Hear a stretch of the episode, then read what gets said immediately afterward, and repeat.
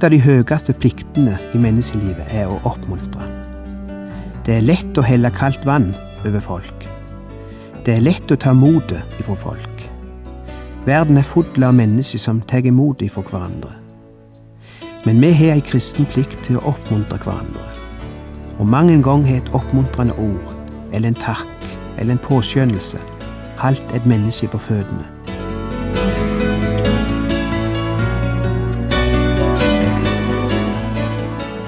Hjertelig velkommen til et nytt program i serien Vindu mot livet.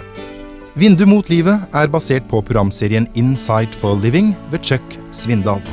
Programmet er produsert av Kristen Riksradio og blir ledet av Ola Bjoland.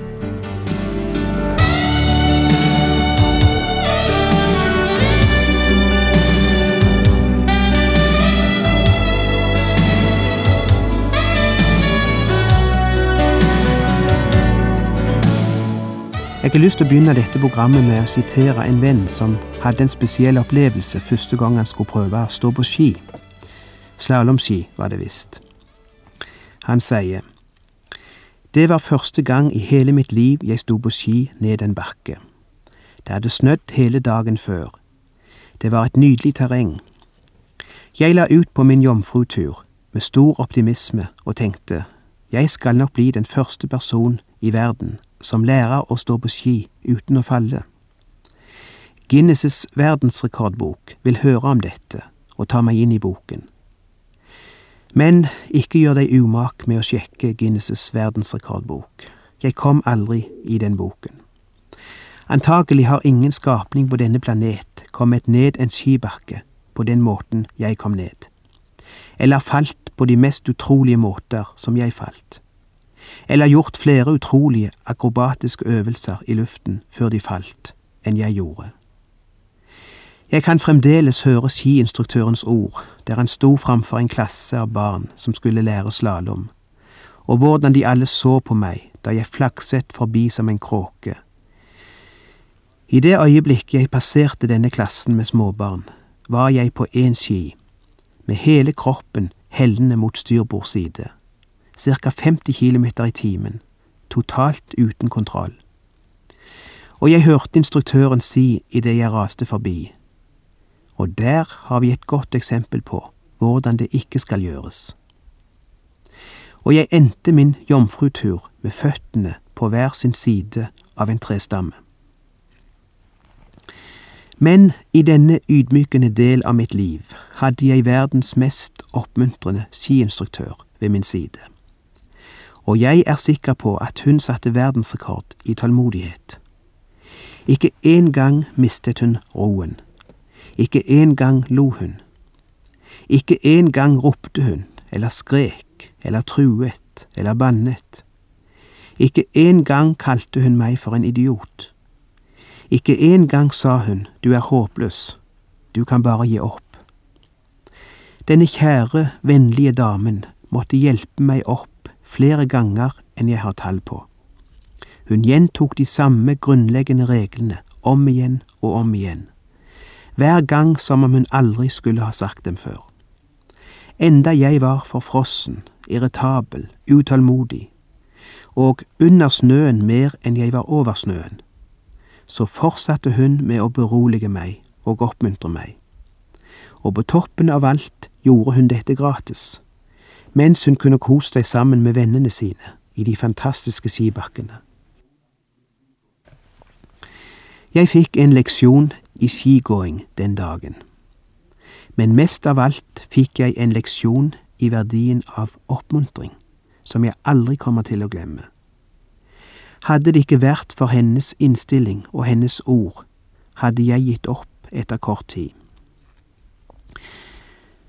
Og det som er sant om en nybegynner i skibakken, er enda mer sant for mennesker vi møter hver dag. Jaget av kav og tidsfrister, knust av bekymringer, motgang, nederlag, nedbrutt av skuffelser, overvunnet av synd, befinner de seg et eller annet sted mellom en svak skuffelse og ren og skjær panikk. Enda kristne er dette tilfellet for. De kan kanskje gi inntrykk av at alt fungerer fint, og at de skal klare seg ålreit, slik jeg trodde da jeg satt utfor. Men virkeligheten er en annen. Vi sliter, vi mister balansen, vi glir og detter, vi tumler og faller på ansiktet. Og det vi trenger mer enn noe annet, er dette oppmuntring. Noen som har tro på oss. Noen til å roe oss ned. Noen til å hjelpe oss å plukke opp alle bitene og sette dem sammen igjen, og så gå videre. Når vi tar for oss ordet oppmuntre og analyserer det, så får det i grunnen en ny mening for oss. Det betyr å gi mot. Det innebærer å inspirere andre med nytt mot, en ny ånd, et nytt håp. Vi stimulerer de og oppmuntrer de. Det er forskjell på å sette pris på og å oppmuntre. Når vi setter pris på noe, eller verdsetter noe, så verdsetter vi det en person gjør. Men når vi oppmuntrer noe, så går det på det en person er. Derfor er det knytta betingelser til det å verdsette noe. Du må ha et eller annet resultat å verdsegge. Og det var det ikke mye av hos denne nybegynneren på ski. Men oppmuntring går djupere. Det går mer på personen sjøl enn det går på resultatene. Det er ikke så resultatorientert. Det går mer på mulighetene. Det betyr at enda når vi ikke fortjener retten til å bli verdsatt, fordi vi gjør feil og mislukkes, ennå da kan vi oppmuntres. Ja, nettopp da trenger vi å oppmuntres mer enn noen gang. Det er det samme hvor sjølsikker og modent et menneske kan se ut til å være. Ekte oppmuntring slår aldri feil når det gjelder å virke positivt på et menneske. De fleste av oss har behov for store doser av dette, men som regel er vi for stolte til å innrømme det. De fleste mennesker som kommer til kyrkja, tror at gudstjenesten består kun av noen salmer, et par bønner, å slippe noen slanter i ei kollektkorg, og lytte til en solosang eller et kor, og til slutt å høre på ei preik. Hvis du skulle gått opp til eksamen og hadde fått spørsmålet Hva er en gudstjeneste, og du hadde svart det jeg nevnte nå, og hvis jeg hadde vært sensor, så ville du fått strykkarakter. La meg forklare deg hvorfor. For flere hundre år siden, da de kristne begynte å komme sammen til møte og gudstjeneste, så var det forfølgelse som en vanlig del av deres hverdag. Og noen vart drepne og vart martyrer, og det var like vanlig som en trafikkork er i vår tid. Det var noe helt dagligdags. Og resultatet var at menigheten levde i konstant frykt. Noen truende hoppet av, noen skjulte seg og vart anonyme.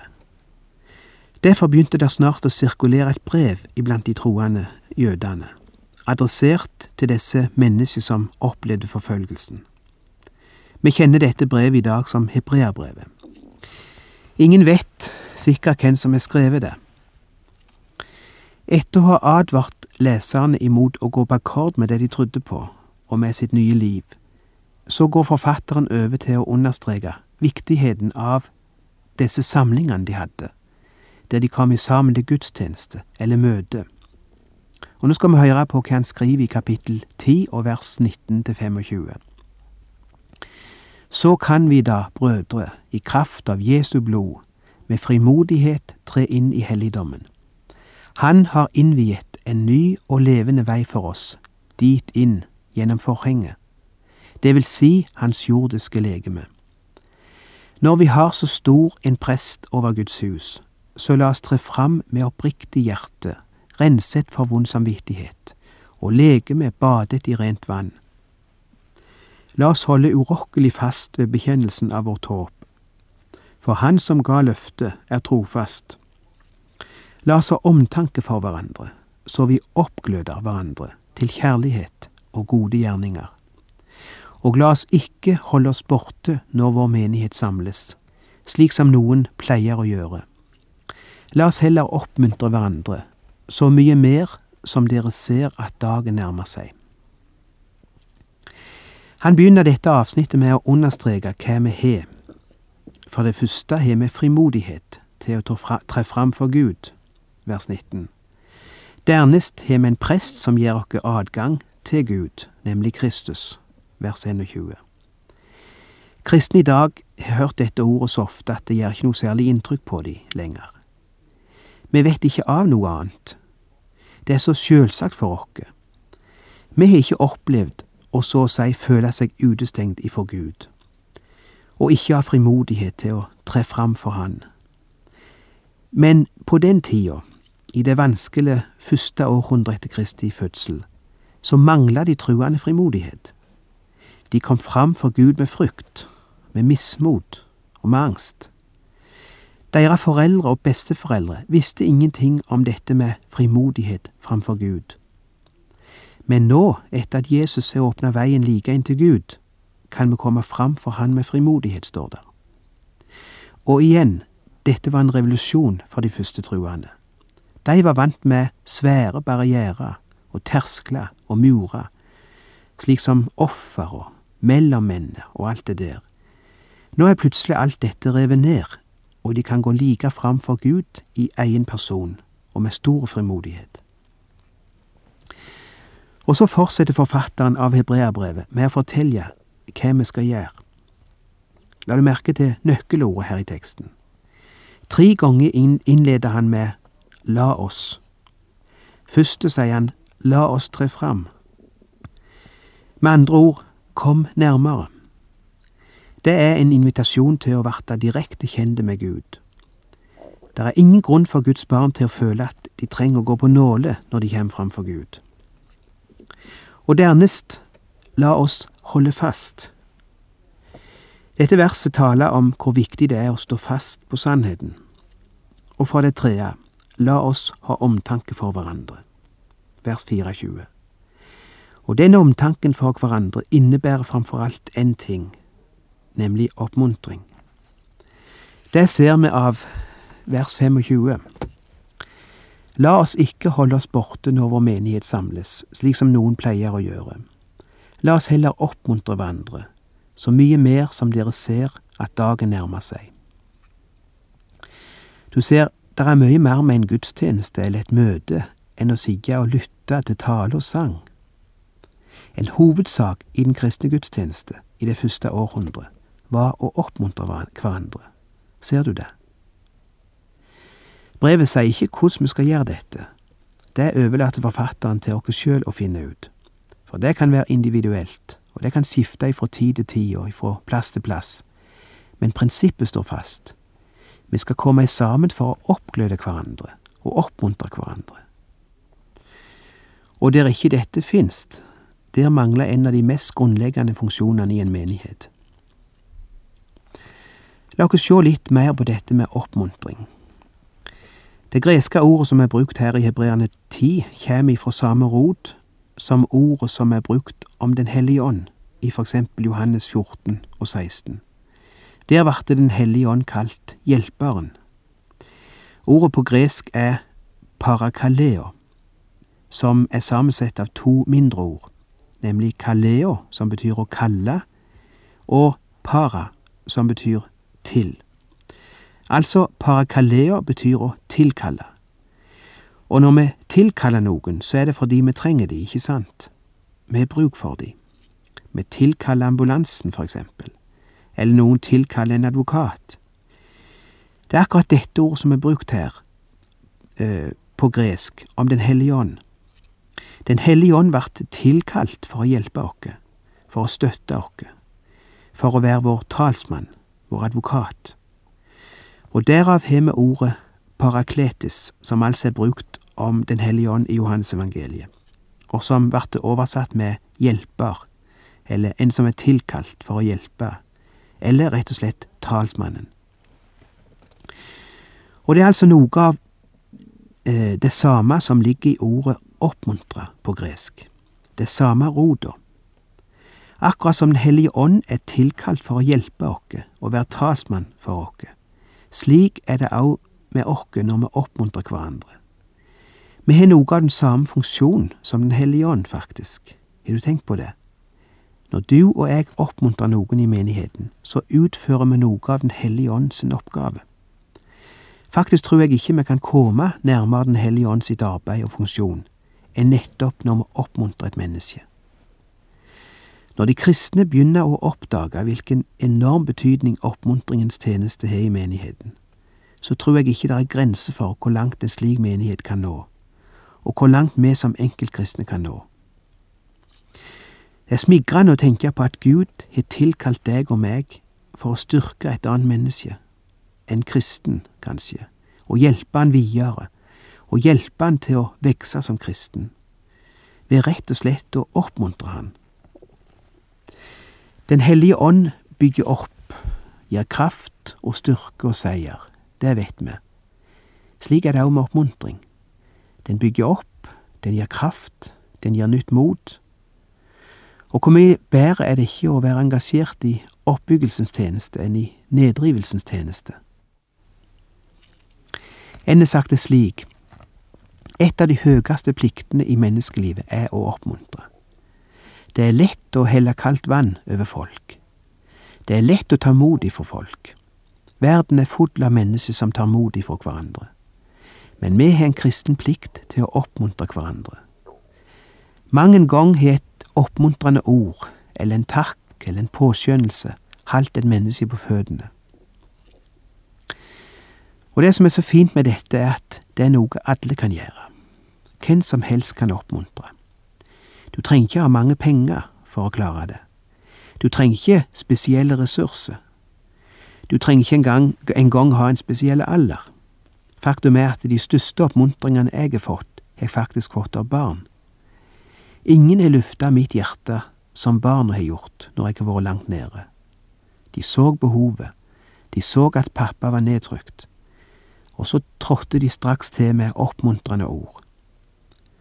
Så ved sida av kona mi, så er det vel faktisk ingen som har vært så til hjelp for meg når det gjelder oppmuntring, som barna.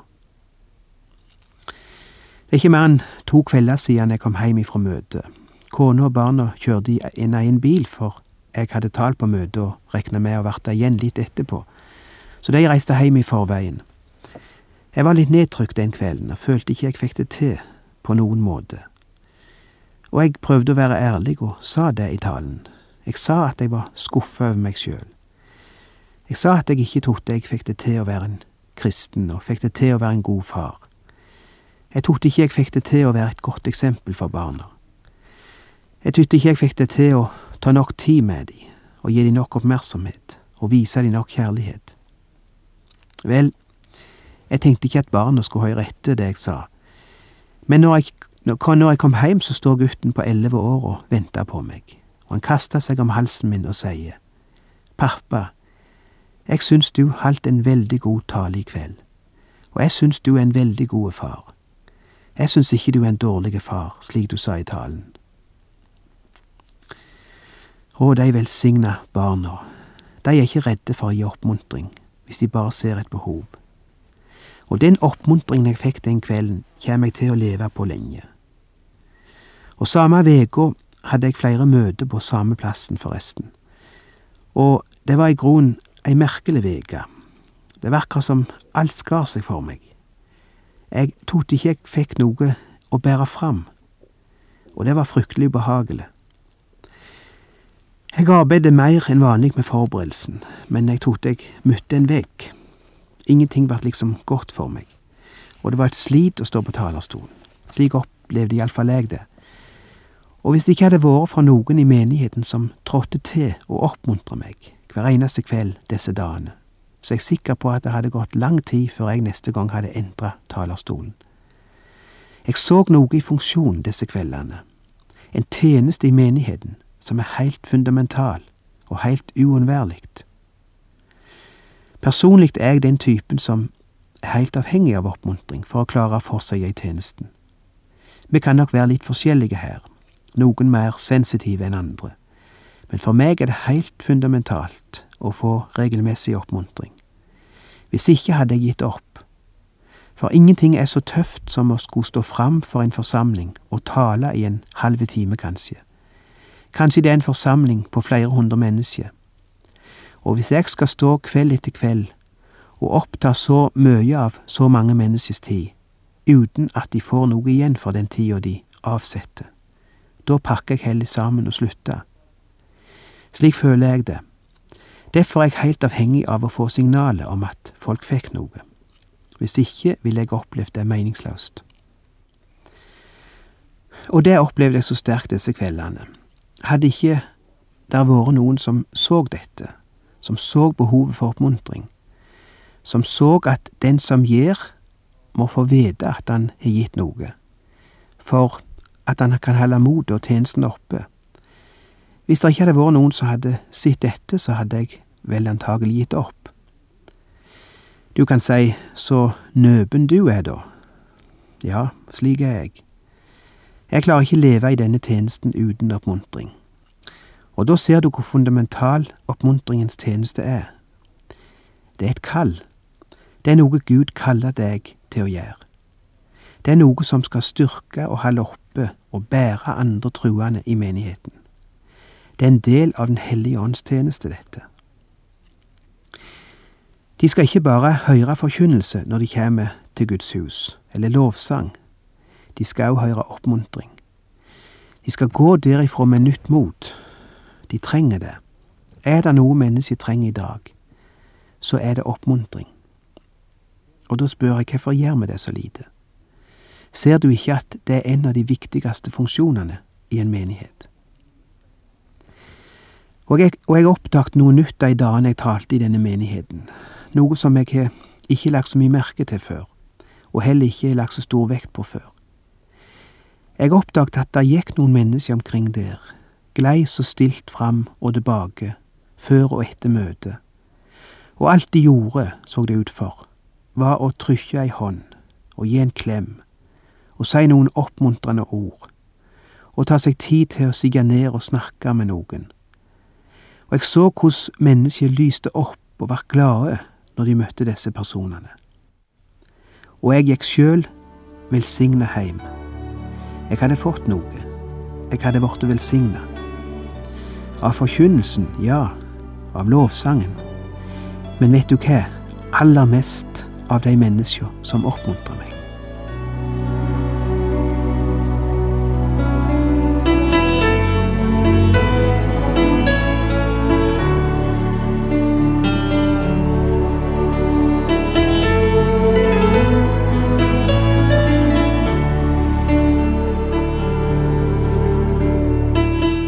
Du har lytta til Ola Bjoland i serien 'Vindu mot livet' fra Kristen Riksradios arkiv. Ola Bjoland var ansatt i Kristen Riksradio inntil han døde i 2002.